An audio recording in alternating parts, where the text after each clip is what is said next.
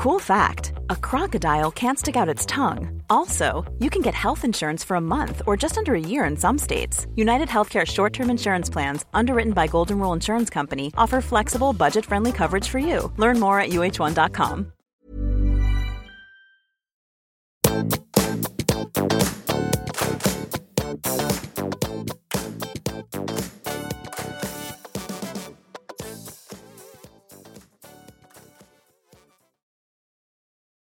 sammen, og velkommen tilbake til podkasten Karriereveiledning med Elaine. Ukens tema, det, jeg skal ikke si at det er kontroversielt, men det er kanskje et litt sånn rart tema, og det snakkes ikke så mye om. Samtidig så er det innbundet i utrolig mye av det som det snakkes om, skrives om når det gjelder jobb, karriere, utdanning og hva du skal bli, og det er nettopp ambisjoner, eller karriereambisjoner.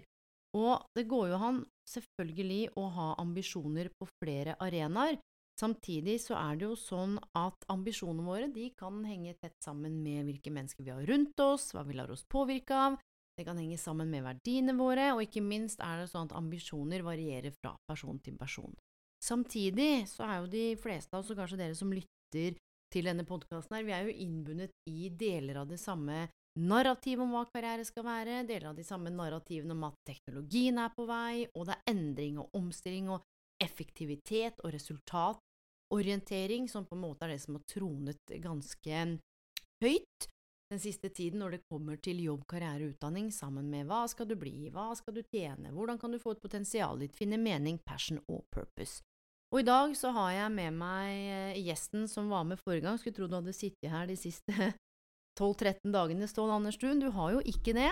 Nei, jeg, jeg har faktisk ikke sittet på vent, altså, selv om det virker litt sånn. Ja, det, det, gjør jo ikke det. Det hadde egentlig bare vært veldig hyggelig hvis du drømte mm. om å bare få lov til å være med igjen og igjen og igjen og igjen. Ja, ja. Fordi ja, jeg gjør jo det. Du gjør det? Ja, for det er jo ekstremt god respons på episodene vi har. Det og det er både dynamikken og refleksjonene, og at du er god til å få meg til å stoppe opp noen ganger og reflektere. Og så veit jeg jo igjen at du liker å forberede deg litt, men det har du altså ikke fått muligheten til. Nei, det får jeg aldri muligheten til, men det er jo fint, for da får jeg jo teste meg litt, jeg òg, da. Ja, og så får vi, som vi snakka om, et øyeblikksbilde av det en tenker og funderer på akkurat nå, Ja.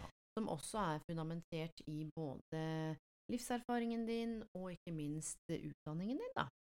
Og noe av det vi skal snakke om i dag, du er jo over snittet opptatt av det eksistensielle, vi sier det spirituelle, mening, passion og purpose. Um, hva er ditt forhold til ambisjoner? Oi, vi starter der. Ja, ja. Ja, Og hvis du ikke har lyst var- til å svare, så kan du gi meg ballen tilbake ja. til meg. ja det, det var et stort spørsmål. Ja. Ok, mitt forhold til ambisjoner. Ja. Ok, nå må jeg trekke pusten eh, litt sånn godt før jeg svarer på det. Ehm, du, jeg har et litt sånn ambivalent forhold til ambisjoner, egentlig. Det er um, tror vel sånn um, Mens jeg vokste opp, så hadde jeg ikke noen sånne enorme ambisjoner. Jeg hadde litt sånne rare ambisjoner. Jeg hadde lyst til å bli fotballspiller, hadde lyst til å bli rockestjerne, litt sånne type ting. Ikke noen sånne voldsomme ambisjoner til litt mer sånn der det ordinære arbeidslivet, hvis en kan kalle det det. Men så fikk jeg jo det etter hvert òg. så jeg, jeg tror det er litt sånn Jeg tror ambisjoner kan være en sjukt fin ting. Det driver deg fremover hvis du har et sånn klart eh, Relativt sånn klart syn eller mål mot hva er det du går mot. Men det kan òg være en liten sånn byrde. Eh, og ikke minst så kan du føle deg litt annerledes hvis du i en periode ikke føler på at du har så mye ambisjoner, nødvendigvis. Eh, men jeg Ja. Mm. Ja, og det her tenker jeg er noe av kjernen i, i tematikken også. Vi skal både svare på en del spørsmål, og inn i dette med ambisjoner òg, så skal vi flette inn eh, over flere hundre tilbakemeldinger som har handlet om eh, hvorfor tør du ikke gå for den jobben du ønsker deg, eller den karrieren du drømmer om. Og en ting som vi ofte snakker om, for det første er det noen hvem sine karrieremål og drømmer og ambisjoner er det du følger. Er det dine egne, er det andre, så har du egentlig det frie valg. Er det du Hvor godt kjenner du deg sjøl som fritt og helt velger? Og jeg har lyst til å, å bare trekke inn to ting i forhold til det du sier om ambisjoner, ambisjoner og ambivalens. Fordi det ene er jo, som vi veit, at du har gått gjennom ganske store sånn livsomveltende opplevelser. Mista begge foreldrene dine på åtte måneder. Mm. Um, Det er det ene jeg bare har lyst til å dypdykke bitte litt inn i, og det andre er hvordan ambisjonene dine har endra seg fra du var si 20-åra til nå, med tanke også på um, det livstraumet du har stått i, om det har hatt noe innvirkning, ikke sant, har du blitt mer sånn alt fokuset går dit, eh, nå må en, ikke sant, putte Mm. fokuset på jobb, karriere, nå Eller har det endra synet ditt på jobb, karriere, utdanning, livet, da? Fordi Mm. karriere og jobb er en stor del av det å være menneske òg.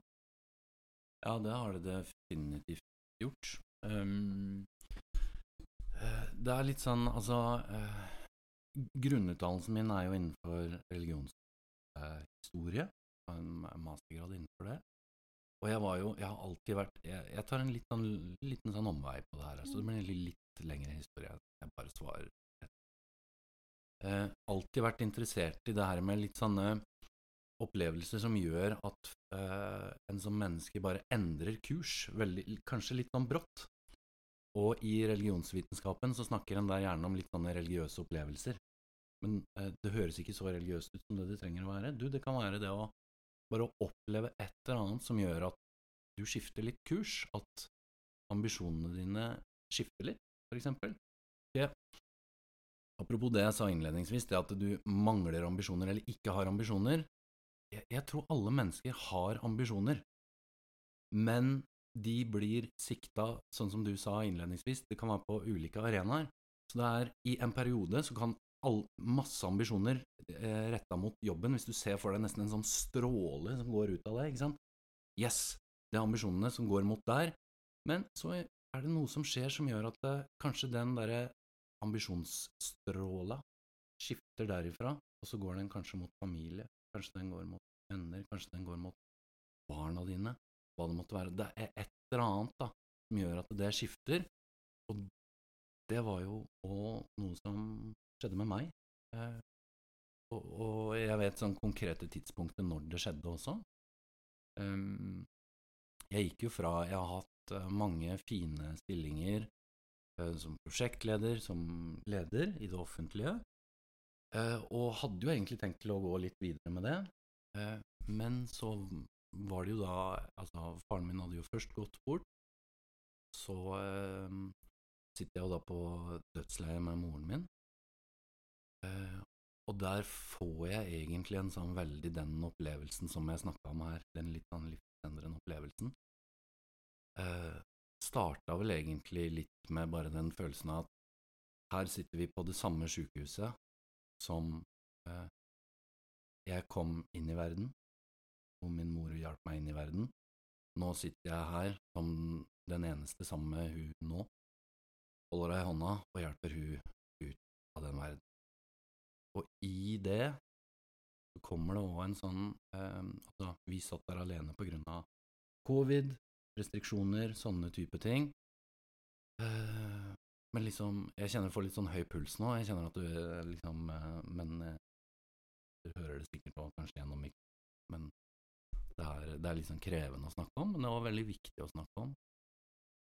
Men eh, kjente der og da, altså det eneste eneste viktige her i verden, når en til syvende og sist når jeg, Du er ved livets ende, og jeg kjente på at det viktigste er å ha noen som faktisk sitter ved deg når du går ut av livet, at du har med deg de du er glad i, eh, at du har eh, stammen din rundt deg, altså triben din rundt deg, familien din, venner, de som er glad i deg, de som du har spilt en stor rolle i livet til.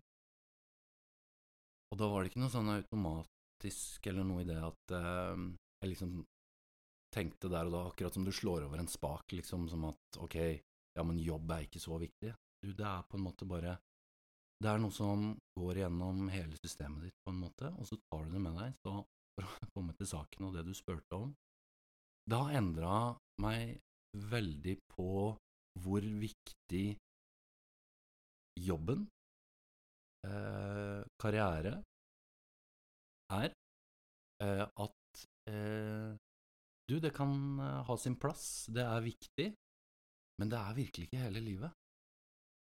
For når du sitter der på slutten Jeg kommer ikke til å, å tenke på, og det gjorde verken min mor eller min far, som har jobba hele livet, Eh, ingen av de der de, Vi, snakka ikke om hvor mange timer de hadde jobba, eller eh, overtidstimer, eller noe som helst. Det, det er virkelig ikke det det handler om.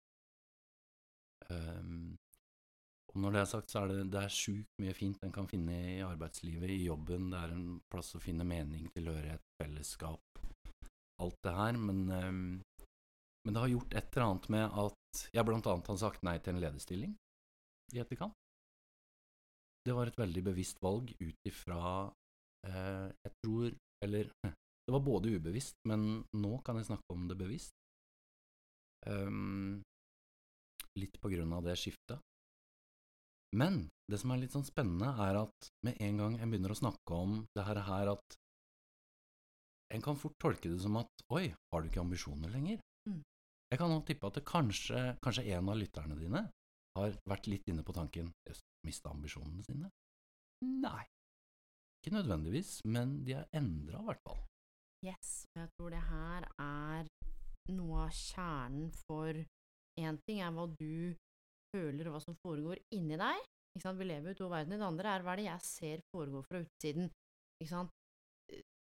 Sett at han har tenkt seg at du som var så dreven og du skulle inn i den lederstillingen og du var så påkobla og du satt og hele tiden og jobba overtid, og så gjør du ikke det lenger. Altså, nå gjelder jo ikke dette deg, men det er sånn det bildet jeg som for eksempel leder, hvis vi nå skal liksom henvende oss til det å være ansatt og det å være leder, det bildet jeg har av, og ikke deg, eh, men sånn generelt av den ansatte som da virkelig har hatt karriereambisjoner, hatt drive, klatra stigen, gått trapp, ikke sant, og så skjer det noe, et samlivsbrudd, dødsfall, mister en nær venn, noen står i sorg, kanskje syke foreldre eller andre ting, da det skjer noe med en sjøl, som gjør at eh, jobben plutselig ikke får Arbeidspulten blir ikke det nye alteret lenger. Nå handler det om å Det nye alteret er å honor your needs, det som vi Mm. snakka om i stad, stå støtt seg sjøl, for at det er liksom den, den broa jeg har lyst til å, å bygge det her over til.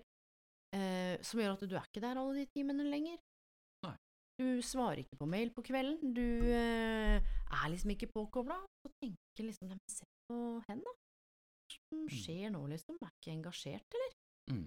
Og det kan jo også være, husker vi har snakket om eh, sykenærvær, ikke sant? tre Ja. ulike grunner til at folk ikke går på jobb, sanksjonspress er ute av loopen, ikke sant? moralsk press, fy fader, det kommer ikke være mulig og sånn sløving, Mm. eller de på jobben trenger meg.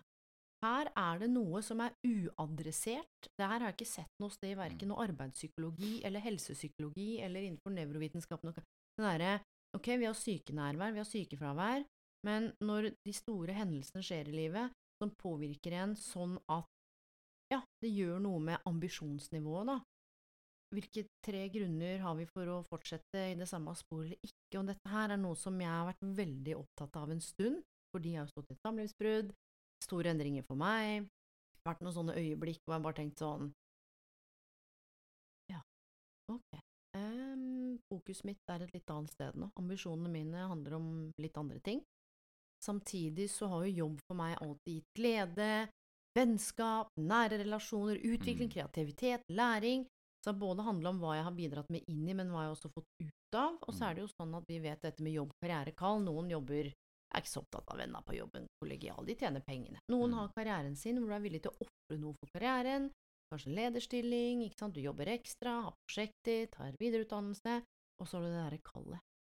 Og jeg lurer på om, og nå spør jeg deg om noe av det du er inne på nå berører ikke nødvendigvis sånn jeg skal bare jobbe hvis jeg har et kall, men du blir mye mer mindful på hva er det som er viktig med meg, og viktig for meg, og viktig i det jeg skal bidra, som om når vi snakker om at ambisjonene kanskje har endra seg, Mm. så er det akkurat som om det har skjedd noe med verdisettet. Mm. Har du noen refleksjoner? For vi snakket også litt om det, ikke sant. Finn verdiene dine, gå for det du ønsker deg. Mm. Ja, ok, så veit du at du er opptatt av eh, selvrespekt, tillit og kreativitet, da, fint det. Mm. Men hvordan kommer de til uttrykk, hvordan utspiller de seg, og har du noen refleksjoner om hvordan eh, verdiene dine nå henger sammen med karriereambisjonene dine? Ja, um, jeg har lyst til å starte litt på et sånn annet sted, fordi vi, vi snakka litt om i, i forrige episode som uh, jeg var med i, om det her med å sette grenser. Jeg tror det er, det er her det er vanskelig. Hvorfor er det så vanskelig å sette grenser? Og det er jo, det er jo egentlig det jeg har gjort nå, um, i mitt tilfelle, men det tror jeg òg det er det som er den store utfordringen, da. Hvis du kjenner på at du, nå er, eh, la oss kalle det ambisjoner eller prioriteringer eller hva en skal sette som ord på det, men nå er det andre ting som er viktigere for meg enn akkurat jobben, og at det faktisk er greit, men det er å sette grenser som er riktige for deg. Skal en kommunisere det da til lederen og si du, jeg er ikke like mye nå, jeg er mer opptatt av å ivareta sønnen min et brudd, Du, nå trenger jeg å sørge, så jeg må komme meg unna en Mm. periode og gå i sorggruppe, eller skal en bare liksom disappear? Ja, du, det merkes jo. og mer enn å komme med svaret der, så vil jeg bare liksom bare det tematisere hvor vanskelig det kan oppleves. Fordi du, hvorfor er det vanskelig å sette grenser? Det er fordi en ikke alltid blir forstått. Uh, du, hvis, uh, hvis du går gjennom egen sykdom, eller du har et samlivsbrudd, eller du har mista noen, eller du bare har det litt vanskelig, det er ikke alltid sånn enkelt for andre å leve seg inn i det. Fordi du, hvis, hvis du hadde vært min leder nå, du har 100% fokus på jobben og det som skal gjøres og ditt og datt, og så kommer jeg og så møter jeg opp på 40 eh, Det er ikke noe automatikk, eller det er ikke alltid veldig enkelt for deg å forstå det heller. Um, og det er der det ofte kan være litt vanskelig å sette de grensene. Um, det med at du, du møter andre mennesker som ikke nødvendigvis er på samme sted. Og det her er jo spennende fordi en ting er liksom å sette de grensene, og så ha en uttalt eller uttalt forventning om å bli forstått, fordi jeg har, og dette vet vi jeg snakket om, og det er ingen som fullt og helt kan forstå det du har stått i. Jeg kan si sånn, jeg kan lytte, og jeg kan, kan forstå, i hermetegn. Jeg har ikke mista foreldrene mine. De er i live begge to, bor ett minutt unna. Ikke sant? Jeg kan ikke sette meg inn i andre som har mista, kan sette seg inn i.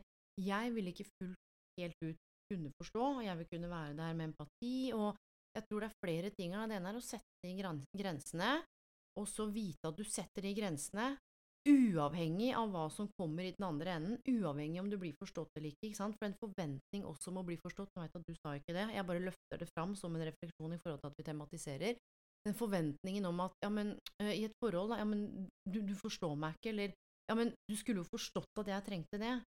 Eh, så jeg tror det første er, når vi snakker om at det er vanskelig, så er det eh, jeg, jeg tror det handler om å våge å si det høyt, og så Mm. tåle Ok, lederen din forstår ikke, men vet du hva du har gjort da?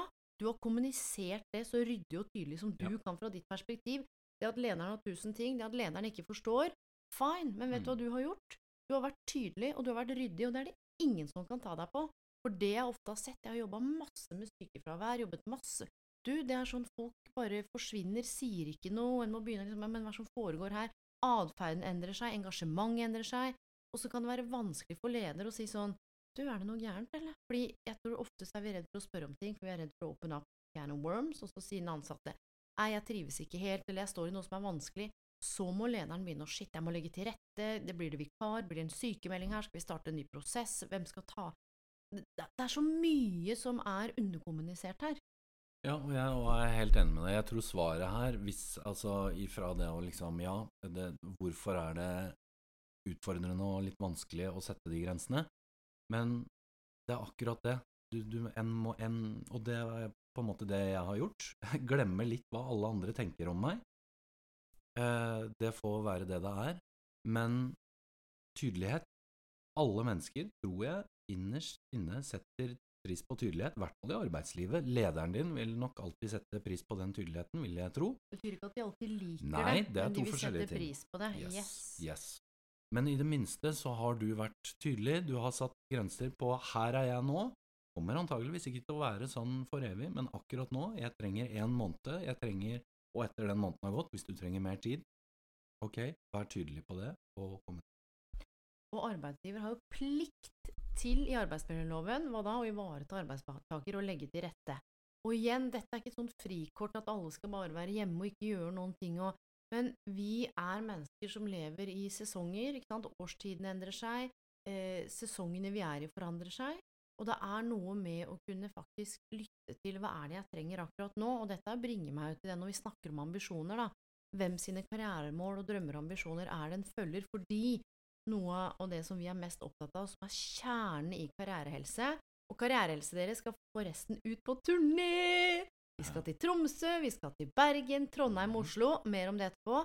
Men hele nerven i karrierehelse handler nettopp om å tørre å møte opp som deg sjøl. Tørre å være deg sjøl. Og han Selje sa jo det i 1973. Det største stresset vi mennesker opplever, er at vi ikke kan være oss sjøl. Og det å Det er ikke alltid vi veit hva vi trenger, da. Når vi står midt i noe, og det snakka vi om i forrige episode. Og poenget som jeg har lyst til å, å få fram her når vi snakker om ambisjoner, det er ikke noe gærent i å være dreven, gønne på, vie livet sitt til å Men det er også ok å ikke være den mest ambisiøse, være den som um, er på jobb, karriere, og utdanning hele tiden, må, må utvikle fortere, ikke sant. Dette her handler om å ta sånn steg tilbake og ok. Kan jeg spørre deg om noe? Akkurat det du sier der nå, hvor stort rom, basert på alt det du har erfart når du har vært ute og snakka med masse organisasjoner og arbeidstakere, hvor stort rom føler du det er for å kanskje ikke være så sjukt ambisiøs, da? Du, det rommet er ganske lite. Ja. Og det er lite eh, Det kommer litt an på bransje. Jeg har jobbet mye innenfor helse, veiledning, omsorg. Der handler det jo mye om å hjelpe. Men når det handler om å hjelpe deg, for dette kommer til uttrykk på forskjellige måter, så handler det om å hele tiden være på tilbudssida, ikke være borte fra jobben, hele tiden være noe for den andre. Så der kommer ambisjonene mer enn sånn nå skal jeg tjene masse penger og kjøre på, så ambisjonen mer å um, være noe for andre, stille opp i den hjelperollen. Eh, og nå skal jeg ikke si at det handler om å bli likt, men jeg sier at det handler om hele tiden tømme det lageret hvor ambisjonen er å ha det ekstra møtet, go the extra mile for pasienten eller for eh, klienten eller for coachien eller Skjønner du? Mm. At det er vanskelig å sette grenser. Samtidig har jeg vært i andre deler av næringslivet hvor alt handler om å prestere.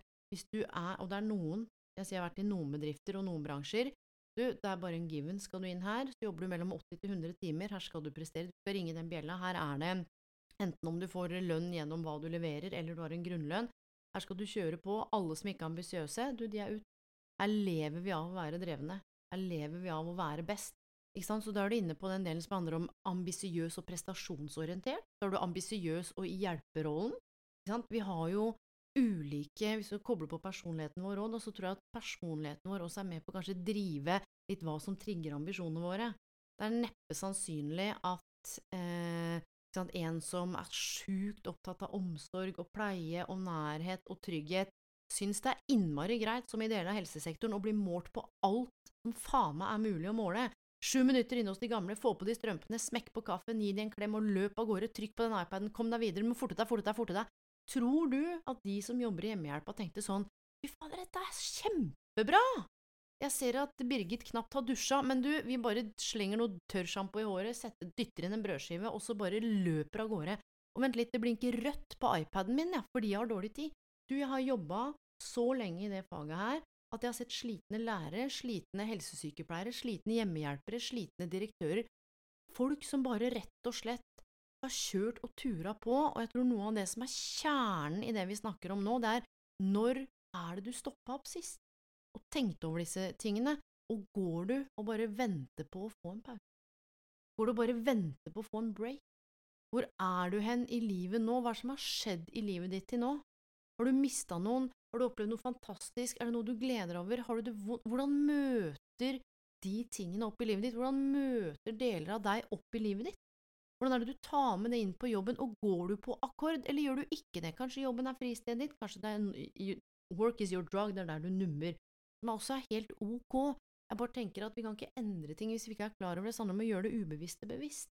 Og det er det som er poenget med den episoden, når du kan gå inn til lederen din og si jeg veit at jeg har vært dreven ambisiøs her og vært en pådriver i fem år, nå trenger jeg noe annet, jeg ønsker meg inn i en annen rolle, jeg kommer til å trekke meg mer tilbake, Istedenfor å tenke svart-hvitt, kan jeg tenke både og, fordi jeg har lyst til å jobbe 80 nå, og jeg har lyst til å faktisk begynne å skrive på en bok som jeg har drømt om å skrive i alle år.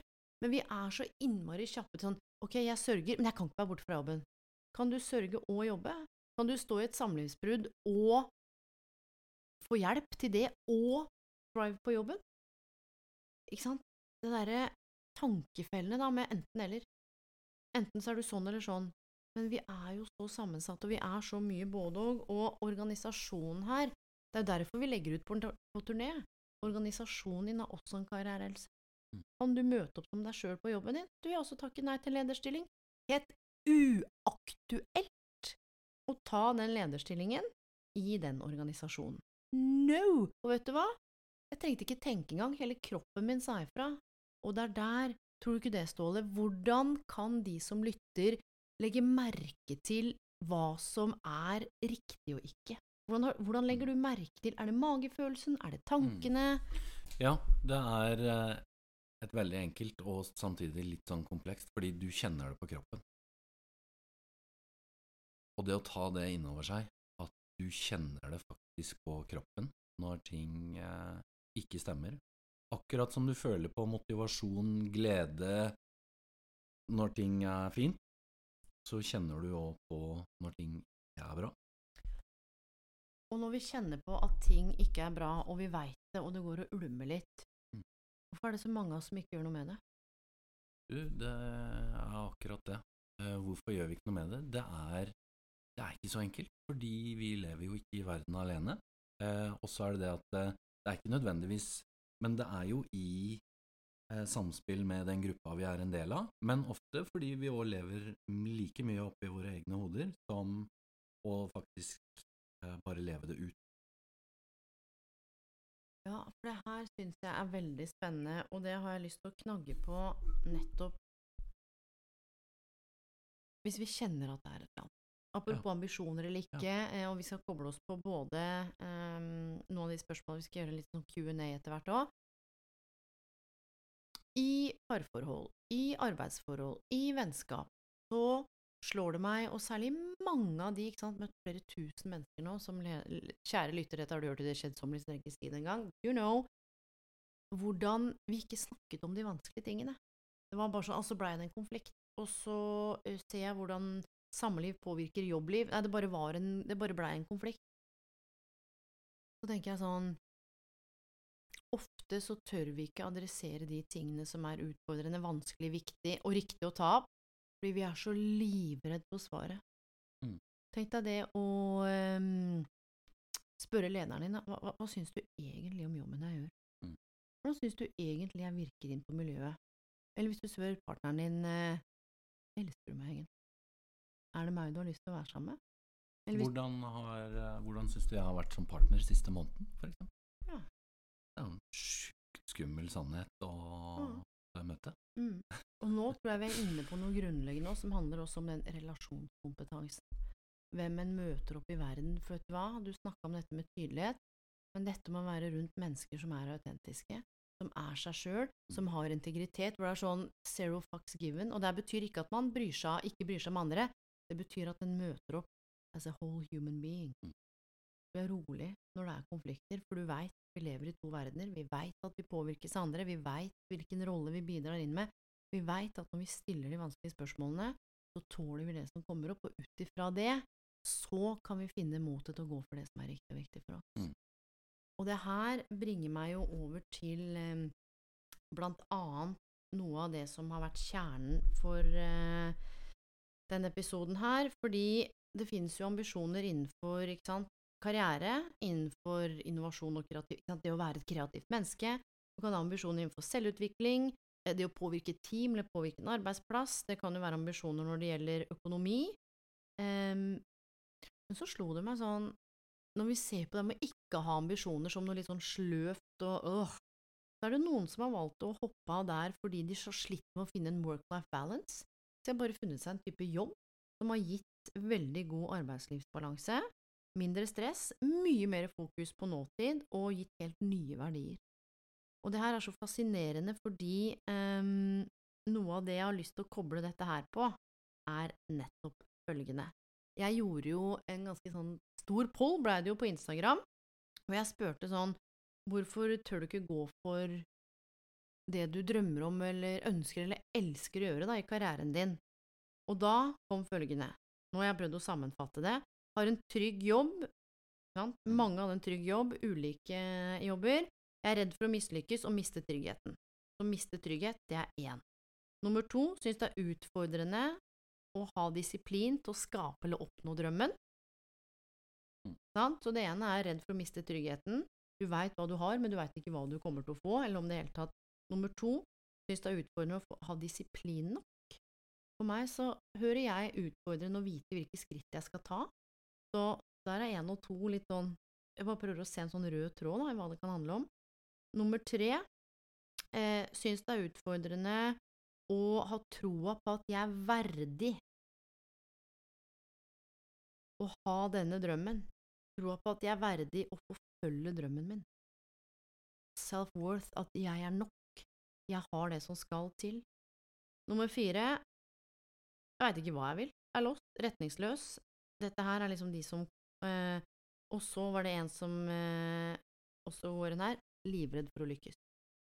Så var det også jeg mangler støtte, jeg har ikke nok kompetanse, jeg er redd for hva andre vil tenke eller mene, det er for mye pes og styr, veit ikke hvor jeg skal begynne, jeg er sliten og motløs, jeg begynner å bli utbrent og har ikke overskudd, lost og usikker på retningen, redd for å drite meg ut og janteloven. Hva hvis vi tar tak i noen av de, da, og særlig det med har en trygg jobb, redd for å mislykkes og redd Mm. for å miste tryggheten? Mm. Og dette her må jeg si på vegne av oss, dette har vi enormt respekt for, dette har vi kjent på begge to, come on. Og det verste jeg veit, hvis noen veileder noen, nå kan det være at jeg får kritikk, og sier sånn ja, gå for drømmen din, bare gi faen i alt, bare hopp ut i det, drit i det, du lander på beina. No, jeg gjorde jo det, jeg sa opp alt, jeg. Både et samboerskap og eh, jobben min som leder, og reiste jorda rundt. Men du, jeg hadde spart opp penger. Jeg visste hva jeg holdt på med, og jeg sier ikke at folk ikke gjør det, men det var mitt valg aleine. Poenget er at hvis jeg sier til noen bare si opp alt, drit den tryggheten Igjen, og det er denne svart-hvitt-tenkningen. Mm. Går det an å redusere jobbprosenten i 70 for å beholde noe av tryggheten, og begynne å utforske hva som skal til? Og har du kjent på det noen gang, dette med den tryggheten? Ja, det tror jeg er sånn helt uh, grunnleggende menneskelig, egentlig. Og det er kanskje en av de tingene jeg har møtt på mest i møte med andre mennesker òg. Hvor det er sånn ah, jeg, vil, jeg har bare lyst til å få meg en ny jobb, jeg har lyst til å gjøre noe annet.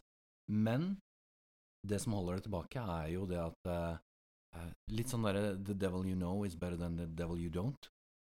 Og, og det er akkurat det, men, men det er liksom Ok, men hva består den tryggheten av, da? Hvis en skal begynne å, å, å nøste opp i ting. Jeg tror det er viktig det, fordi det blir sånne store ord. Ikke sant? Ok, men er, er, det er den, Er det økonomi? Ja, ikke sant? Er, er det det det går på, eller er det bare at det er trygt og godt fordi du eh, syns det er litt skummelt, egentlig, å komme inn, ikke kunne helt den nye jobben. Du kan jobben din veldig godt nå, selv om du du får. ja, du kjeder deg gjerne nå, men det er òg veldig skummelt. Og, altså, du er på en måte litt sånn kanskje på toppen av hierarkiet i gruppa di nå, og så gå inn i en ny gruppe hvor, eh, hvor du ikke nødvendigvis er eksperten lenger. Du, det er helt andre, det er helt andre ting enn det som handler om økonomi, eksempel. Eller hvis det er Altså det er trygt og godt fordi det er en jobb i nærheten, eller fordi Nei, her må du faktisk ut og reise, og, og sånne type ting. Så det å begynne å nøste opp i de store ordene, det kan gi ganske sånn Ok, men er den tryggheten Handler det egentlig om to av ti kriterier for meg som er viktig? Eller to av fem? Eller én av fem? Eller er det fire av fem? Ok, men da kan jeg kanskje begynne å justere på litt sånn småtterier, da. Ja, og jeg tror her også så kan hun begynne å se på er det sånn at jeg trives hos arbeidsgiver i arbeidsplassen, sånn at jeg egentlig har lyst til å være der, men det er oppgavene, Mhm. eller er det kollegaene, eller er det samarbeidspartnerne? Eller, ikke sant? Apropos karrierehelsemodellen, da. Hvis vi dypdykker inn i den, så ser du at vi har jo mening, vi har autentisitet, vi har sosial bærekraft, vi har hvile, vi har energi, vi har omgivelser, stressmestring, jobbtrygghet. Altså, karrierehelsemodellen skal jo brukes nettopp for å avdekke nøyaktig innenfor disse 25 dimensjonene hvor er det skoen trykker. Er det din manglende evne til å sette grenser, sånn at du veit at alle liker deg, og det er det som er trygt? Og jeg tror akkurat det du er inne på nå, er så briljant, fordi ord som trygghet, respekt, omsorg, vi kaster de ordene rundt oss, og så stopper vi sjelden opp og tenker over trygghet. Vet du hva, ofte når jeg har vært i møte med mennesker, og de sier ja, men jeg er opptatt av trygghet, vet du hva jeg hører? Trygt. Mm. Hva er det du er redd for å gi slipp på? Det er Mm. bare en annen måte å si det på enn, enn du sa det, Mm. så vi tilbyr liksom to innfallsvinkler, og så kan jo lytterne ha seg en blanding av de, fordi vi sier egentlig det samme med forskjellige ord. Og det er litt det, hva er det du frykter? Mm. På den andre siden der, og du var jo inne på det, ikke sant? Plutselig så er du kanskje ikke nok, eller her kommer det, hva hvis det var feil valg? Og det er jo, tenker jeg, noe av det vi har lyst til å si, som du var inne på nå, avdekk faktisk hva, hva er det trygghet betyr for deg. Ta et ark, skriv det ned. Ja, og jeg tror det er sånn hvis det går Hvis du finner ut at det her går så på tvers av det livet du egentlig har lyst på, eller den jobben du egentlig du virkelig ikke trives, så eh, ja, da apropos ambisjoner, da er det kanskje på tide å begynne å vurdere Yes! Mm. Og det å begynne å vurdere Hør nå det, Når Dette her Å, det her brenner sånn for deg. jeg har bare lyst til å reise meg opp og rope. Våg å begynne å stille de utfordrende, kvalmende, ekle, skumle spørsmålene som egentlig er jæsla forløsende, som kommer til å tvinge deg til å ta tak i det som bor i deg langt der inne, hvor liksom Mm. skatten er gjemt. Den vil Nei, vi bare holder på overflaten, holder oss opptatt med å scrolle, høre på podkaster sånn som denne. En gave at dere gjør det, så tusen takk. I love you guys. Em, vi har bare lyst til å snakke om ting, jeg og Ståle, på en litt annen måte enn det vanlige viktige ambisjoner. Du, det er ikke sikkert det er viktig å ha karriereambisjoner i det hele tatt. Kanskje det er viktig å ha ambisjoner om å heal yourself. Kanskje det er viktige ambisjoner om å møte opp i barnehagen. Altså, hva veit vi? Poenget er bare avdekk hva den tryggheten dreier seg om, og utforsk om det handler om frykt. For hvis det er forankra i frykt, så er det ikke trygghet som er ordet, da er det hva er det jeg er redd for? Hvis det handler om tryggheten, ja, men trygghet handler om å ha penger, ja, men det vil si at er du redd for ikke å ha pengene, da? For hva skjer hvis du ikke har Mm. pengene? Du får ikke betalt lånet. Alle skjønner jo det. Selvfølgelig, kjære deg, men kan vi tenke både og? Hvordan kan vi begynne? Fordi det er jo nettopp dette her som berører det andre eh, svære bolken som kom inn. Det var nesten over 170 stykker som snakka om å ha trygg jobb. Ja, kan, hvis jeg bare kan skyte inn litt, fordi jeg har også sett mye det, ikke sant. Altså, jeg vil bytte jobb fordi jeg er ikke fornøyd her, men altså Det er jo det at det, det å bytte jobb er ikke nødvendigvis det samme som å bytte arbeidsgiver. Ikke sant? Og det jeg mener med det, er at det, du trenger vi, vi lever i en veldig sånn flyktig tid hvor en bare skal rømme fra alt, eller dra fra alt, ikke sant. Hvis, nei, jeg, jeg er ikke helt fornøyd med partneren min. Ok, nei, men da skifter jeg partner. Altså, jeg setter det veldig på spissen Mm. nå. Men samme med liksom Fordi det går jo nesten litt sånn sport i det her med karriere òg, ikke sant. At ja, men kanskje da må jeg bytte over til en annen arbeidsgiver. Du, ta de samtalene med allerede eksisterende arbeidsgiver, for de er antageligvis veldig opptatt av å beholde deg. Eh, muligheter for høyere lønn, muligheter for andre arbeidsoppgaver, Mulighet for innovasjon. mulighet for innovasjon. Fordi det er Hjemmekontor. Yes, det er akkurat det. Det er mulig når du begynner å gå bak de store ordene, og du finner ut at faktisk så, når jeg ser for meg drømmejobben min, så har jo den jobben jeg er i nå, som jeg kjenner at jeg er egentlig ikke så fornøyd, men jeg scorer jo på liksom åtte av ti. Ok, men hvilke muligheter finnes det da for å få den opp på ni av ti eller ti av ti, Mm. bare med å ta en samtale innad i Altså her jeg jobber? Og samtidig så tenker jeg også eh, en annen ting, for å få fram det. Som en ting er sånn dette med å være flyktig, en annen ting Skal vi være så jævla fornøyde hele tiden? Ikke sant? Jeg, vi har jo snakka om skal, kan være så, skal alt være så jæskla meningsfullt hele tida? Apropos artikkelen vi skrev, arbeidspulten som alltid. Hva gjør det med karrierehelsa di? Da hele tida være fornøyd, jakte mening, må ikke sant? Det, der, det er akkurat som vi trenger en sånn boost av adrenalin, eller boost av for å føle noe, for å føle at vi lever, fordi vi lever i en tid hvor vi blir bombardert med ikke sant, sjukt mye vondt og vanskelig som vi absolutt skal ta inn over oss, og i egne liv så opplever mange seg så insignifikante, betydningsløse. Det å ha et normalt liv nå, det er liksom It's the new no, fordi du skal likes og klikkes, og du skal ha din egen YouTube og legge ut det ene og det andre, og du skal være på, du skal synes, og du skal dele alt, og sånn. Det derre normale livet med å ha det godt, det er liksom litt sånn ut, det er vi ferdig med. Nå må man være på alle plattformer. Nå setter jeg det på spissen, men poenget er det er helt ok å ha mediumambisjoner. Det er helt ok å ha lyst til å bytte en trygg jobb mot noe så lenge du veit hvorfor du gjør det.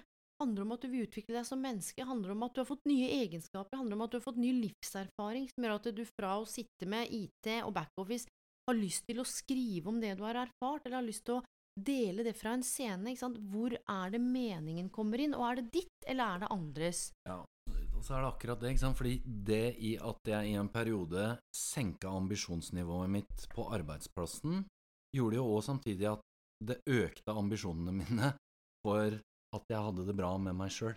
jeg trengte en pause etter en veldig krevende tid. Så det å ta vekk ambisjoner fra ett nivå, eller fra én arena, det øker jo samtidig i mange tilfeller ambisjonene dine på en annen arena. Yes, og det er her Nå er vi også inne på noe av det som kom inn her. Jeg orker ikke gjøre en endring fordi jeg kjenner meg på grensa til utslitt og utbrent, og så skal jeg begynne å bytte jobb, gå inn i en jobbsøkerprosess, og så eh, Og dette her Jeg har jobba med flere hundre mennesker, kan jeg si her, som er på grensa til å bli sykemeldte, utslitte, som bare vil vekk. Og dette har vi snakka om før, hva er det du vil bort fra, men også vite hva du vil til for å leve ifra motivasjon over tid. Det blir du gæren av, det blir du sjuk av.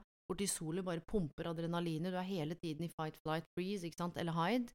Um, og det å begynne å bytte jobb, nå skal jeg påstå noe som jeg har observert, det å begynne å bytte jobb, gå inn i masse prosesser, være den beste utgaven av deg selv, være ny i en jobb, bruke, ikke sant, og apropos kompetansetrappa, du veit ikke hva du ikke kan før du på trinn to blir klar over alt du ikke kan i en ny jobb, og må kanskje være én til seks måneder bare for å få kontroll og oversikt før du blir bevisst kompetent og forstår alt det du skulle forstå, og så går det et år, og så er du liksom ubevisst kompetent, for da sitter alt i fingrene automatisk.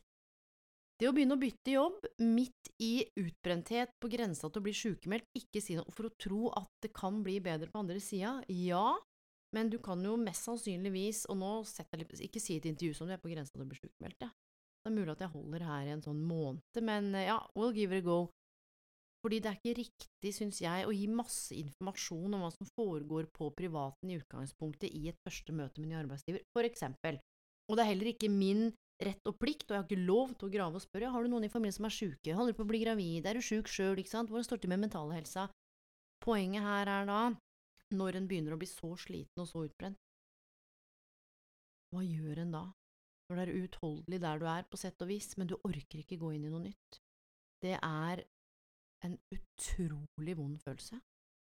Hva gjør en da, Ståle Anderstuen, hvis en skal tenke på å finne motet til å gå for det en ønsker seg? Er det motet da bare å si stopp? Nei, um, du, hva gjør du da? Det er uh, første en må gjøre, er å begynne å ta på alvor det en kjenner da, i kroppen. Uh, Men det er jo ikke så lett, fordi jeg har jo en identitet på at jeg aldri er en som stopper, ja. fordi jeg får verdi.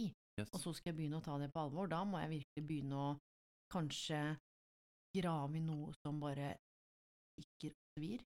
Ja. Du, jeg tror det er litt sånn Vi har snakka en god del om liksom sånn autentisitet og det å liksom eh, gå for det du ønsker deg, og finne motet og sånn. Du, det er det motet der, da, til å faktisk Nå kjenner jeg at det her går ikke lenger. En må faktisk sette noen grenser. Det er noen tough choices, altså. Mm. Og noen ganger så er det litt sånn En, en kommer ikke helt rundt det. Um, jeg tror det ligger også en kjempefrykt der. Mm. Hva hvis jeg nå sykemelder meg? Og jeg skal, ja. vet du hva, jeg skal ikke oppfordre folk til å sykemelde seg. Nei, nei. Men jeg skal jaggu si til deg som lytter, hvis du kjenner at du trenger en pause, usikker på hvor lenge du holder ut, vær så snill. Eller om du kjenner noen hvor du tenker sånn spør, da. Du, vi trenger hverandre, vi trenger å bry oss om hverandre. Og det her er det motet der Kanskje en ting som jeg har lært gjennom 15 år. Det handler egentlig ikke bestandig dette er, dette er life wisdom, rett fra hjertet. Det handler ikke nødvendigvis så mye om hvor du lander hvor du lander i den nye jobben din. Vet du hva det handler om? Det handler om the freaking leap day. Det er det å faktisk ha liksom kartlagt og sortert, og så ta det hoppet. Ok, kanskje du ikke får akkurat den jobben du trodde, men du lander en annen jobb som plutselig leder til en ny dør, eller du treffer ett menneske som bare du kjenner sånn soul sister, hvor har du vært hele mitt liv, som gir deg et langvarig vennskap. Kanskje du lander i noe du trodde du skulle drive med, så er det sånn dette var jo ikke for meg i det hele tatt. Hvordan kan jeg samle erfaring her? Jeg har sett det gang på gang og kjent det i eget liv, og jeg glemmer det, og jeg har sett i de 15 milliarder menneskene jeg har møtt, som hvor vi har jobba med ett et kjerneelement som går igjen, mm. og det er leap of faith. Ja, det er det. Og så er det litt sånn der, det høres veldig sånn dypt og tungt og åh, det krever mye av meg. Vet du hva, noen ganger så gjør det ikke det. Eh, hvis du ser en eh, Altså, for eksempel, du ser en stilling du synes ser litt spennende ut, søk på den, da. Så kommer alle hindringene, akkurat som du snakker Ja, men jeg kan ikke søke, jeg fyller ikke alle kravene, men jeg har ikke jobba i denne bransjen, bla, bla, bla. Hva gjør man med den indre jeg, Ikke lytt til det. Just do it. Du, Nike har tidenes uh, slag... Ja. Er just do it. Ikke tenk så mye. Ikke overtenk det så mye. Du, du veit allerede. Jeg gjorde det eh, da jeg skifta en eh, jobb. Jeg, jeg kjente det mm, lenge før. Bare så jeg en jobb som dukka opp. Du, jeg, jeg veit allerede at uh, jeg trenger noe nytt nå. Bare søk på den. Hva er det verste som kan skje, da? Jeg søkte på flere jobber. Jeg, det var ikke alltid jeg ble innkalt heller. Og så ble jeg innkalt. Og så blir du innkalt til intervju. Du, stopp det tankekjøret. Og det betyr sett et Sett et punktum. Og det er noe på hebraisk som heter seila. Ja. Det er at mm. ah, Yes, så bare gå på det intervjuet. Have, have some fun! Du, det Yes! fortjener du. Yes! Ta tilbake det å ha det litt moro. Det betyr jo ikke at eh, ok, du er sliten og utbrent, nå skal du ha det moro, but you get the point. Yes. Dette her gjelder jo alt det som har kommet inn. Og så er det også noe med det, da, sant, syns det er utfordrende å ha disiplin til å skape opp noe drømmen. Hva er disiplin, da? Har du uh... Nei, og det er det. Er det researchen? Er det å kartlegge arbeidsmarkedet? Er det å ha troa på at du kan strukturere deg, lage den Altså hva Det ordet igjen, da. Kjære, eller dere, det har kommet inn flere avarter av disiplin. mm. Um, break it down. Hva, hva er det det egentlig dreier seg om når, når det er snakk om at det er utfordrende å skape disiplin? Ja, for det, det er veldig sånn stort ord. Altså, er det disiplin? Betyr det motivasjon? Betyr det at du liksom må, Mhm. Hva betyr det? Yes. Og det her tenker jeg er så sjukt viktig, fordi vi er jo ikke noen eksperter på ditt liv. Hele intensjonen, og jeg kjenner i sjela når jeg sier det her, når vi snakker sammen, er jo å stimulere til refleksjon. Inspirere til én ny tanke, én ny følelse som du kan ta med deg hjem til partneren din som du veit vil bytte jobb, til deg sjøl, til noen du er i møte med, en karrieresamtale med ungdommen din. Kanskje du skal gå med pensjon snart, er det en overgang? Og det her er jo litt spennende, fordi eh, noe av det som kom inn aller mest Hvorfor tør du ikke gå for det du drømmer om, finne motet? Jeg mangler tro på at jeg er verdig drømmen min. Ja. Vet du hva, jeg, jeg, jeg, Vet du hva, det er òg en sånn ting som jeg har tatt med meg etter bortgangen eh, til foreldrene mine, det er at livet er ekstremt kort. Det er så mye kortere enn det vi tror. Eh, nå er jeg 40.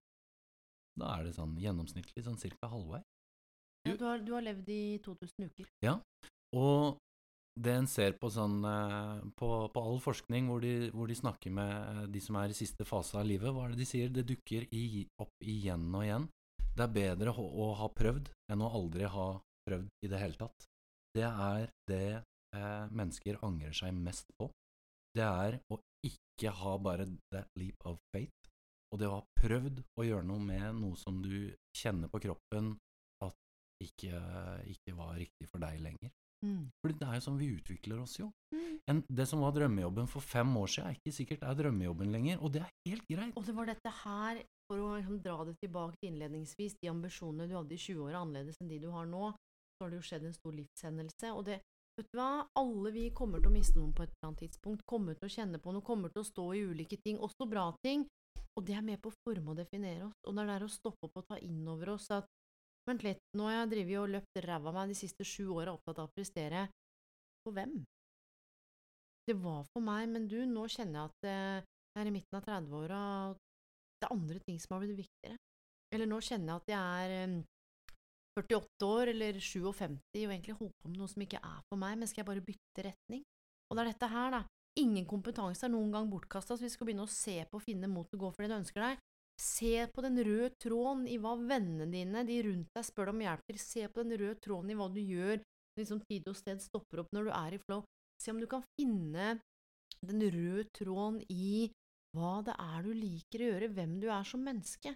Når du finner den røde tråden, det er det ofte det jeg jobber med. Folk er sånn, «Å, så jeg jobba i butikk, og så gjorde jeg det, og så var jeg alpen og sto på ski, og så gjorde jeg det. Tok jeg sju forskjellige fag på Blindern, men så tok jeg en bachelor i eh, utviklingsorganisasjon, og så gjorde jeg det, og så blir jeg sånn Hva er det som knyter alt dette sammen, da? Så er sånn, ja, men hva mener du med det? What's your silver lining? Hva er den røde tråden din? Mennesker. Du, that doesn't cut it for me. Mennesker.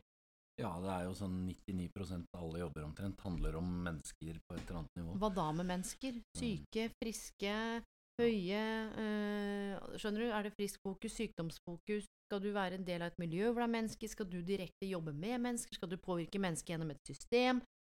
Jeg skjønner ikke hva du sier når du sier mennesker, så la oss kartlegge og sortere. Hva er den røde tråden? Mm. Hva er den røde tråden? Og hvis en kan begynne å snakke om å finne motet til å gå for det en ønsker seg, hva er den røde tråden, da? Om du kan knagge det motet på, for vi alle, vi veit jo, apropos passion og purpose, at her inne we know what we're destined for, men det er så mye støy og forventninger og alle andre, og det er barna, det er familien, og tenk deg hva svigers sier hvis du bytter fra den trygge jobben din og starter for deg sjøl med å designe øredobber. Har det klikka for deg? Er ikke du egoistisk? Apropos janteloven, hva er det du driver med, hvorfor skal du ikke ta den lederstillingen? Du, det du sier der er veldig viktig. Apropos det at mange eh, snakker om det med trygghet, at det er noe som hold, holder deg tilbake, da. Men er det dine ord, eller er det de rundt deg? For det har vi møtt mye, hvor det er kanskje det er en partner, kanskje det er familien rundt. De er jo ikke alltid de beste rådgiverne for hva som er riktig for deg. Så det å, å komme hjem en dag og si at du, jeg lurer på, jeg så en spennende stilling, kanskje jeg skulle søke på den? Ja, tror du det er så lurt, da? Det er liksom, nå har vi jo det lånet som må nedbetales, og det er, kommer en konfirmasjon til sommeren og, og whatnot.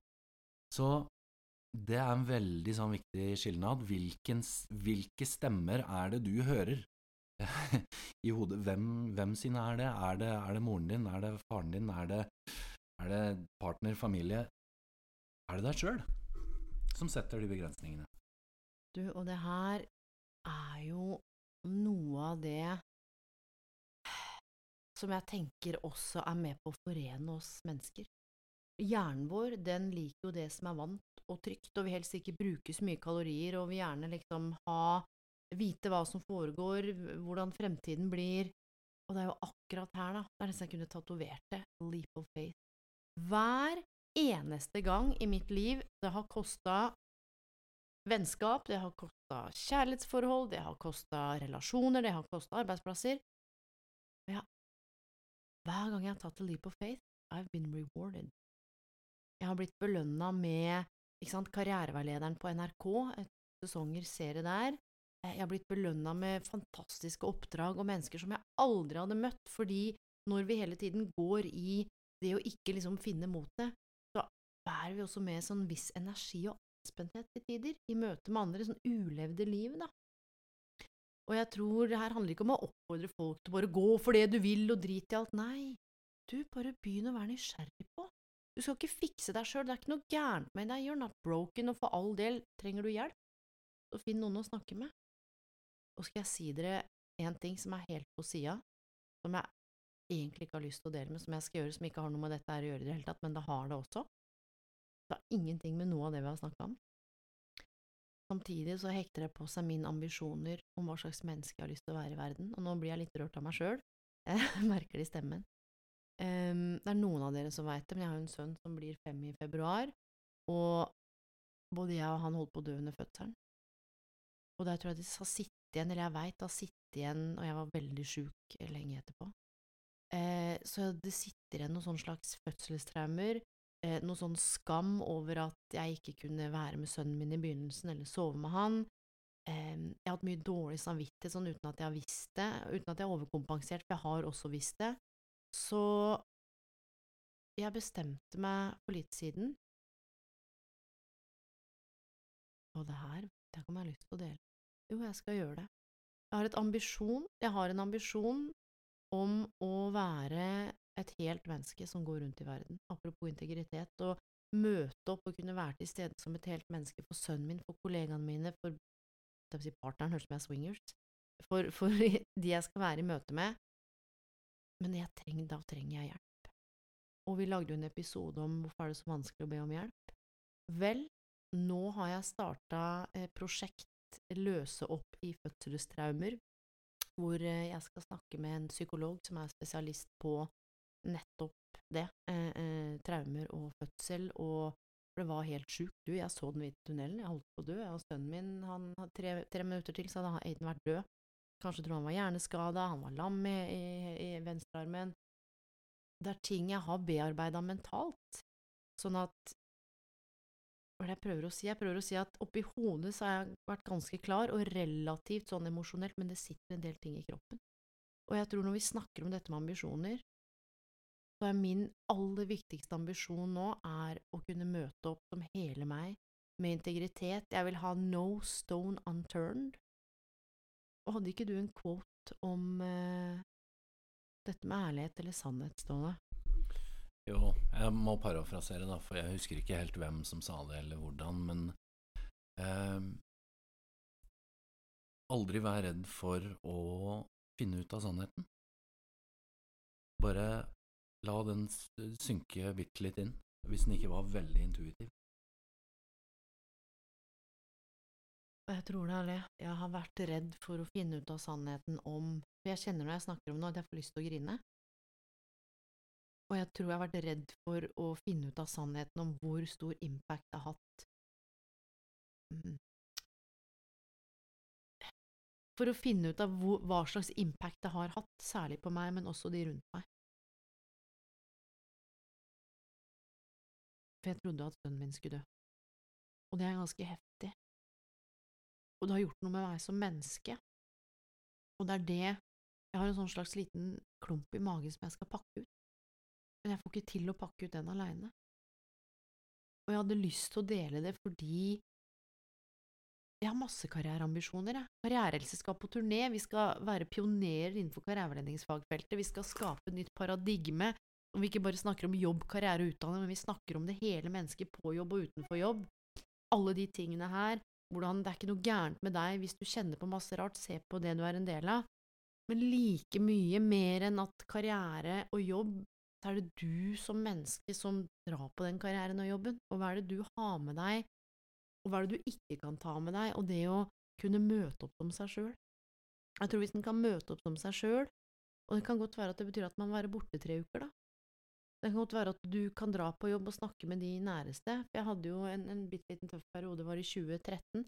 Da hadde jeg jobba i et miljø, fantastiske kollegaer, vi snakka om alt. Gikk ut og tok en kopp te, noen drakk et glass vin, det var vel litt sånn hverandres community. Og jeg har savna det etter bruddet. Så jeg har ambisjoner nå om å jobbe med det fødselstraumet. Samtidig så har jeg ambisjoner om å bygge community. Hvor det å be om hjelp, det å invitere noen til å hjelpe deg It's a freaking privilege. Det å ha noen rundt deg som gjør at når du lurer på hvorfor ikke du finner motet, når du står i sorg, når du har det vondt, så har du i hvert fall fem eller seks stykker du kan ringe på lista di, som hadde sluppet alt for deg, som du hadde sluppet alt for, som er også extended family. Og jeg tror når vi snakker om ambisjoner, så er det på så mange nivåer, på så mange områder, på så mange arenaer, og jeg tror hvis en tegner et slags livshjul, da, ikke sant, og setter eh, nære relasjoner, mental helse, fysisk helse, økonomi, spiritualitet, personlig utvikling, eh, sex for noen, ikke sant, vennskap, begynner å skravere på en skala fra én til ti, hvordan står det til med meg i jobben nå? Hvordan står det til med min relasjon til meg, da, for eksempel? Og så ser du at oi, fysisk helse er på sju, mens psykisk helse er på tre, eller og så går hun inn i karrierehelsemodellen, og så bare Å, det er ikke så rart at jeg trekker meg unna jobben, fordi jeg har noe jeg må ta tak i. Og jeg tror kanskje noe av det som er det viktigste med denne episoden her, det er den derre ærligheten. Det er det der å tåle sannheten. Og det er jo nettopp noe av det som er kjernen når Karrierehelse legger ut på turné. Er du leder? Jobber du et sted? Er du nysgjerrig på å ta pulsen på din egen helse? Er du prosjektleder, teamleder? Er du en del av en gruppe? Er du opptatt av god karrierehelse som handler om hvem du blir i møte med jobb, og hva du lar jobben bli i møte med deg. For det er jo avgjørende for hvordan du har det både på og utenfor jobben. Og når karrierehelse skal legge ut på turné, så skal vi stoppe opp og sette av tid til å ta pulsen på karrierehelsa. Vi skal skape rom for refleksjon, motivasjon, mening og arbeidsglede. Og det er sånn vi sammen skal skape fremtidens arbeidsliv. Fordi når du kan være deg sjøl på jobb, så er det også med på å øke inkluderingsoverskudd, ro, det at andre kan være seg sjøl, det å ha et godt miljø hvor gruppa trekker i samme retning. Og det er jo, når karrierelivet skal ut på turné, så er det i fire byer. Det er fra 10 til klokken 16.00. Og blant annet så skal vi snakke om bærebjelker som går på det å håndtere og redusere stress, forebygge sykefravær og styrke arbeidsmiljø, øke arbeidsglede og arbeidsengasjement, øke inkluderingsoverskudd og fellesskapsfølelse, og skape mer work-life balance. Og Ståle, vi skal ut på turné sammen, og Yes. vi skal jo til ulike steder. Det skal vi. Så 11. mars, da er vi på Ishavshotellet i Tromsø. Er ikke det helt sjukt? Fantastisk. Gleder meg sjukt. Ja, du gjør det. Og 8. april så er vi på Blue, altså Radisson Blue Garden i Trondheim. Er ikke det crazy?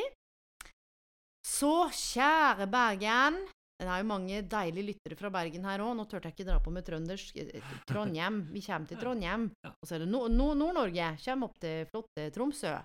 Så skal vi da på Hotell Sander K i Bergen, og det er 12. juni. Før vi avslutter The Whole Fricking Tour. Eh, rett og slett inn i gryta på Radisson Blue Hotel Gardermoen 30. mai. Mm. Og gå inn på konferanseplassen.no, skriv karrierehelse, så vil du få opp hvor vi skal hen. Finn din by. Jeg kommer til å legge linken. Og jeg håper og tror Nei, jeg veit at denne episoden her har eh, gitt noen aha-øyeblikk. Og så ble jeg litt satt ut av at jeg delte så inne i granskauen. Jeg kjente det sånn at jeg har snørr under nesa og svett under høyre arm. Ja, men jeg tror det er den eh, ærligheten der som noen ganger må til. Og den er, som vi var inne på, du, det er, det er tøft. Og det er um...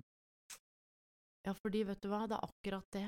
At den, hvis en skal ha noe til andre, Ja. så må en ha noe til seg sjøl, og det er det jeg lurer på når man eh, Mange av de har vært i møte og gir og gir, så lurer jeg på hvor de gir fra, for det er akkurat som det er tomt. Det må en Mm. fylle på. Så jeg skal holde dere oppdatert, jeg. Hvordan det går når Elaine Bloom snakker med psykologen. Kanskje det kan bli en egen serie? Nei, jeg tror Else Kåss Furuseth har en sånn 'Else går til psykolog'. ja. Eh, men jeg skal holde dere oppdatert, og så Du, det er sikkert flere som går til psykolog, og det har vært noe sånn skambelagt lenge for mange, akkurat som å være gæren. Og jeg sa til foreldra mine i går, det må jeg bare si Jeg gikk opp der, så sa jeg sånn Yes, men jeg har begynt å snakke med en psykolog, så var de sånn Hæ? Fordi pappa er 86 snart, og mamma er 76. Den generasjonen der, du, de deala med ting på en annen måte. Det var bare veldig fascinerende hvordan to generasjoner bare kolliderte. Og fatter'n sa sånn Ja, hvis det er læring og utvikling for deg, så er jo det bra. Og mutter'n sa sånn Hun har jo opplevd en del traumer. Brann hvor hele familien holdt på å dø. Pappa er jo født inn i krig. Um, det var liksom sånn Nei, vi, vi, vi har ikke noe traumer. Vi trenger ikke snakke med noen. Det er sånn Oh, yes, you do. You just don't know it. Sånn, nei, vi, vi er helt normale folk. Som, måte, vi snakka ikke om ting sånn som dere driver med før som moderen. Vi, vi bare fortsatte med livene. And that's the point. Mm. Jeg har ikke lyst til å bare fortsette med livet. Og nå er det ikke noe sånn at den traumen her har prega meg um, sånn at jeg ikke klarer å gjøre ting, eller elske, eller føle, eller Jeg bare kjenner at jeg er klar. Fordi hver gang jeg ser en fødsel, noen snakker om en fødsel, eller det er fem over ni når Aiden liksom ble født, så får jeg så vondt inni meg at det er sånn at jeg må spy. Og det betyr at fortiden fortsatt er i nåtiden. Og det er da Aksel Inge Sinning sa at man må søke om hjelp! Da hørte jeg på Aksel Inge! Jeg syns det der er et sjukt godt eksempel oh, på på, på ambisjoner, ja, at du tar vare på deg sjøl. Men og apropos som vi snakka om, det å møte andre som ikke helt forstår den uh, situasjonen du er oppe i, så uh, kjempebra. Du deler. God jul og godt nyttår. Ja, da er katta ut av seg. Du, det er ingen andre som bryr seg om det er enn meg likevel. Du, vi tror vi er så innmari sånn, og herregud, hva vi andre tror Du, alle, folk, Det er ingen som bryr seg om det her i det hele tatt. Akkurat som jeg, jeg er vel ikke så veldig opptatt av alle andre. men Hva er mine likes på Instagram? Faderullan, jeg skulle ønske Ja. Nei, men du, eh, takk for en flott episode, og kjære deg som eh, har lyttet. Og du, jeg Eh, håper vi møter noen av lytterne ute på karrierehelseturneen. Det hadde vært så sjukt Ja, og da må spennende, dere ha og- skilt. Ja, da Vi må- er her fordi vi har hørt på Yes, podkasten. yes. Fordi Åh! Det Du, nå kjente Ja. at det kilte i hjertet. Ja, det, det håper jeg virkelig, altså. At vi møter noen eh, lyttere der ute. Ja, og hjelp oss å spre ordet, da. Ja. Del det i dine kanaler, eller på LinkedIn, eller si at du kommer, eller vi, We're dying, vi vil høre historiene dine. Har du gått Yes. for det du ville? Hvordan er det på jobben? Og hele poenget med karrierehelse handler jo om at ledere skal kunne være til stede. Teamledere, prosjektledere. Er du selvstendig næringsdrivende? Er du ansatt? Du, come on! Mm. Alle har en karrierelse Fra vi er født til vi dør, så er vi innbundet i diskursen. Hva skal du bli, hva driver du med, har du mening, trives du på jobben, hvorfor blir du sjuk? Vi skal adressere noen ting som er så fellesmenneskelige, at vi kan love at når du går fra derfra de seks timene, så er det mic drop.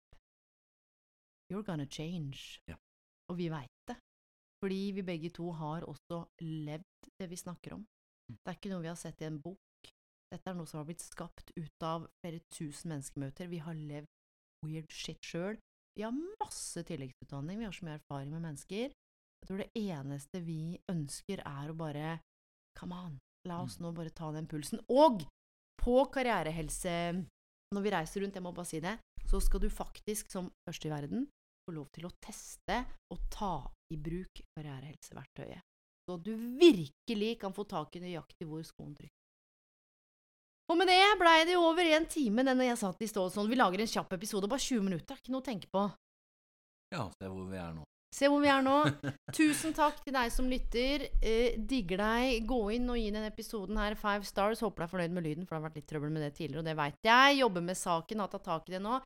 Del denne episoden her, del den forrige. Du, vi prøver å ta opp temaer som dere brenner for, som er fellesmenneskelige. Hvis du veit om noen som trenger å høre om det, please share. Og du, du er mer enn god nok. Så hvor enn du er i verden, god morgen, god kveld, god natt. God helg, og på gjenhør. Ever catch yourself eating the same flavorless dinner three days in a row? Dreaming of something better? Well, HelloFresh is your guilt free dream come true, baby. It's me, Gigi Palmer. Let's wake up those taste buds with hot, juicy pecan crusted chicken or garlic butter shrimp scampi. Mm. Hello Fresh. Stop dreaming of all the delicious possibilities and dig in at HelloFresh.com. Let's get this dinner party started. Even when we're on a budget, we still deserve nice things. Quince is a place to scoop up stunning high-end goods for 50 to 80% less than similar brands. They have buttery soft cashmere sweaters starting at $50, luxurious Italian leather bags, and so much more. Plus, Quince only works with factories that use safe, ethical, and responsible manufacturing. Get the high-end goods you'll love without the high price tag with Quince. Go to quince.com slash style for free shipping and 365-day returns.